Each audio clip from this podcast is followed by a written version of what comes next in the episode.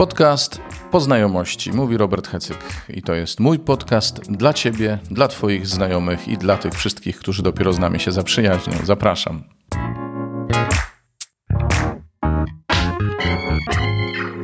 Witajcie. Bardzo mi miło, że jesteście ze mną.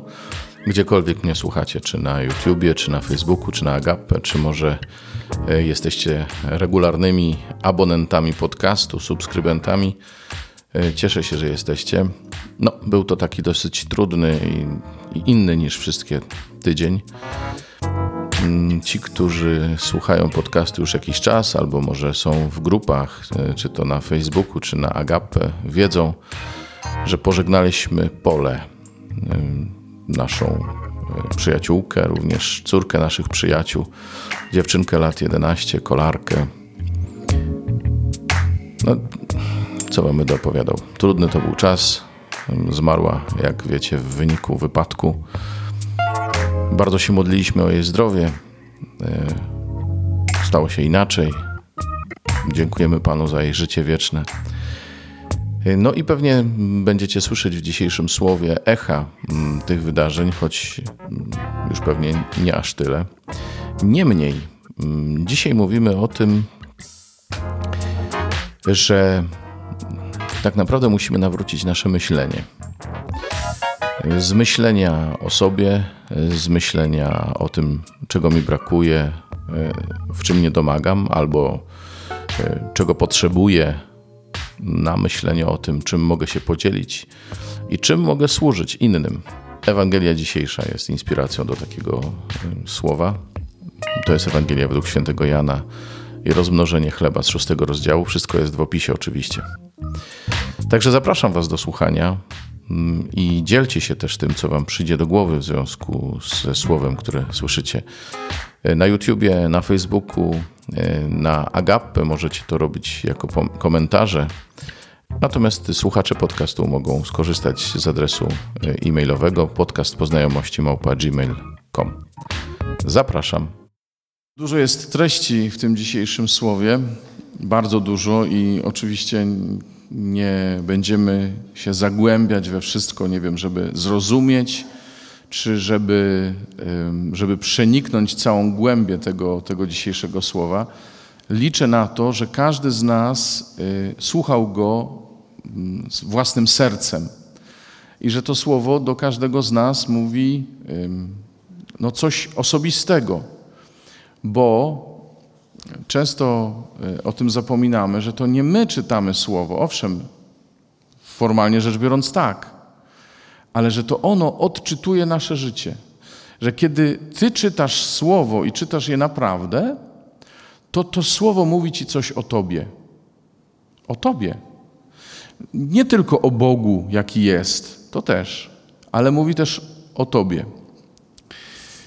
I tak sobie myślę, że ten chłopiec, który miał te pięć chlebów i dwa ryby, to jemu nie robiło specjalnie różnicy, czy mu zabierze tłum ten chleb, czy mu zabiorą apostołowie do rozmnożenia. Ważne było to, że on stracił ten swój chleb. Bardzo możliwe zresztą, że po prostu go oddał, że Pan Jezus z nim porozmawiał. To, to jest możliwe. Ale on oddał to, co być może mama mu przygotowała, żeby miał drugie śniadanie na drogę. I oddał to, podzielił się, chociaż nie było szans, żeby, y, żeby to wystarczyło dla wszystkich. Ten gest tego chłopca widzimy jakby w lustrze troszkę, w, takim, w takiej zapowiedzi w dzisiejszym pierwszym czytaniu. Przyszedł pewien człowiek do e, proroka i przyniósł mu pierwociny Pierwociny mu przyniósł. Wiecie, co to są pierwociny? Niektórzy wiedzą. Jak zaczynamy pracę, albo jak nie wiem, ktoś kupował pole, to pierwsze plony z tego pola przynosił na ofiarę Bogu.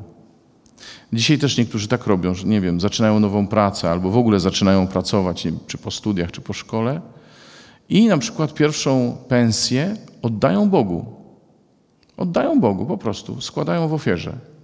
Jako dar, jako jako znak. To wszystko, co ja mam, należy do Ciebie, bo otrzymałem to od Ciebie, to jest Twoje, Ty możesz tym dysponować. Dziękuję Ci, że pozwalasz mi tym zarządzać, że pozwalasz mi z tego żyć, ale to należy do Ciebie. Ha, takie coś. Y, to jest zupełnie inne myślenie niż y, to, które mieli apostołowie. Oni wyrośli w tej kulturze, powinni rozumieć, że wszystko należy do Boga. A Jezus musiał im uświadomić, e, gdzie jest ich myślenie, na jakim etapie oni się znaleźli. Słyszymy, że wystawił ich na próbę dzisiaj, nie? Mówi do Filipa: Filip, a skąd my tu weźmiemy jedzenie dla nich? Ja nawet nie wiem, czy uczniowie myśleli w tych kategoriach, no bo ludzie przychodzili zwykle słuchać Jezusa, owszem, znaleźć uzdrowienie ze swoich chorób, ale żeby catering zapewniać, to wiecie.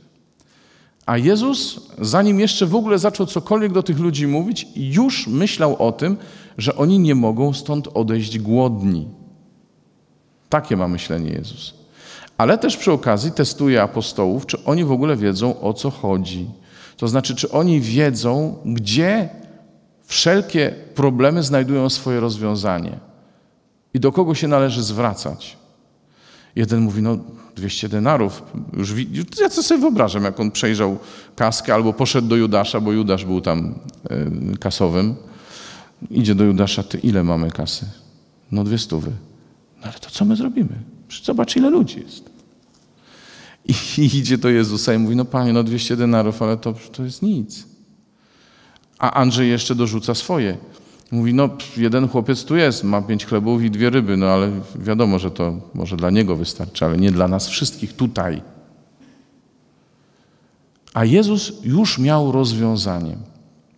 I słuchajcie, kiedy my mamy jakiś problem, w tym również problemy ekonomiczne, y, to albo my się nawrócimy, albo będziemy cierpieć. Znaczy, możemy cierpieć i tak jako nawróceni, ale to cierpienie wtedy ma sens. Możemy oddać nawet to mało, co mamy Bogu, mówiąc: Panie, Ty się o to zatroszcz. Wszystko moje należy do Ciebie. Czy coś mam, czy czegoś nie mam, to i tak zależy od Ciebie. Albo możemy próbować po ludzku załatwić sprawę. I my w kościele czasami tak robimy, nie? Że my próbujemy załatwiać sprawy Boże po ludzku, bo nie rozpoznajemy ich jako sprawy Boże.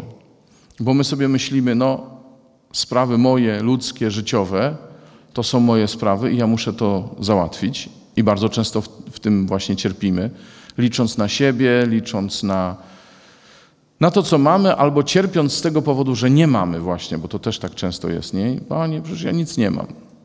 Co ja mogę komuś dać, jak ja sam nic nie mam? Albo jak już coś trochę mam, Panie, no, ty, no mam tyle, co dla mnie, no ale no jak? A Bóg chce, żebyśmy każdą ilością, dużą czy małą, umieli się podzielić. I przede wszystkim, żebyśmy żyli w, z takim myśleniem, że wszystko, co mamy, należy do Boga, a Bóg może z tym zrobić, co chce. W tym również może to rozmnożyć. W moim życiu, ale też w życiu tych, których spotykam. Czyli jeżeli ja spotykam potrzebującego, a myślę sobie, no ja sam nie mam pieniędzy, to to jest tylko pół prawdy bo ja nie mam pieniędzy, nie, mnie nie wystarczy, ale zawsze mogę się trochę podzielić. I słuchajcie, to nie jest coś, e, co może być jakimkolwiek przymusem czy prawem, ale to może się urodzić tylko tutaj, w sercu. Tamten człowiek, który przyniósł pierwociny, on wiedział, że te pierwociny należą do niego i to nie było kwestii w tym. Przyniósł.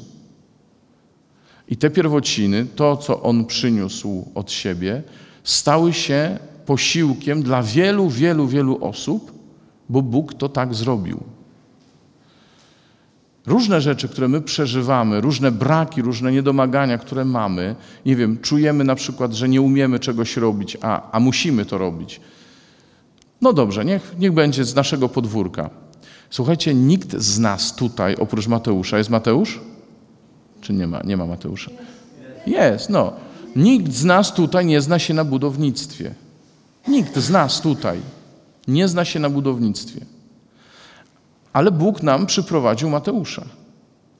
Przyprowadził go i dał mu na tyle gotowe serce, żeby mógł się budową zająć. I zobaczcie, mogliśmy powiedzieć, nie będziemy tego robić.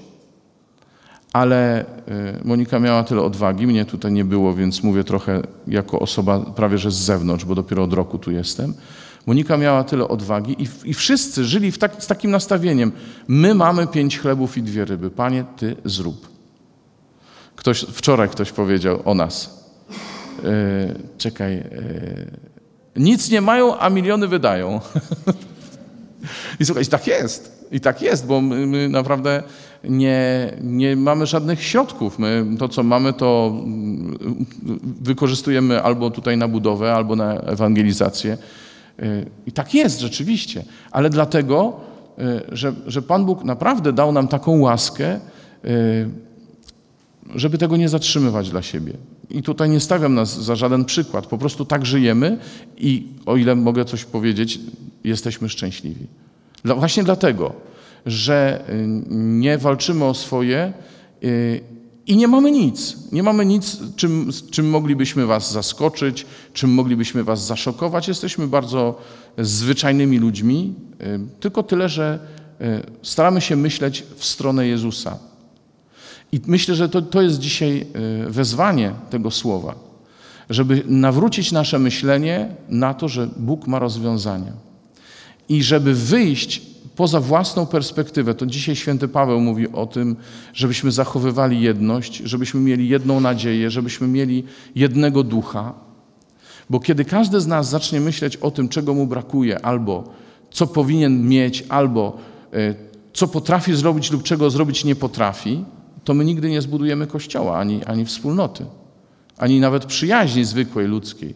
I rodziny nam się będą sypać, bo każdy będzie po swojemu. Natomiast jeżeli będziemy mieć jedną nadzieję i jeden kierunek myślenia, to znaczy, że mm, Bóg może, że Bóg może zrobić to, czego my nie możemy zrobić, to będziemy, w cudzysłowie i może trochę trywialnie mówiąc, wszyscy będziemy jechać na tym samym wózku. Nie, nikt z nas nie będzie się czuł lepszy od drugiego, tylko każdy będzie mówił, Panie, ja mam tylko dwa, dwie ryby i pięć chlebów, ale mam je do dyspozycji. Wiem, że to jest, może to wystarczy dla mnie, albo nawet dla mnie to jest za mało. Na pewno nie dam rady nakarmić tym wszystkich, ale Ty dasz radę. I słuchajcie, niech nam Bóg udzieli tej łaski, żebyśmy byli gotowi nielogicznie działać trochę, to znaczy nie trzymać e, naszych zasobów, ani nie obawiać się naszych braków, tylko czy coś mamy, czy czegoś nie mamy, mówić, Panie, Ty z tym czymś albo z tym niczym właśnie możesz zrobić cokolwiek dobrego dla nas i dla innych. Amen? Amen. To był podcast Poznajomości. Mile widziane komentarze i subskrypcje na Facebooku, YouTubie i Agape oraz korespondencja na adres podcastpoznajomości małpa gmail.com. Do usłyszenia.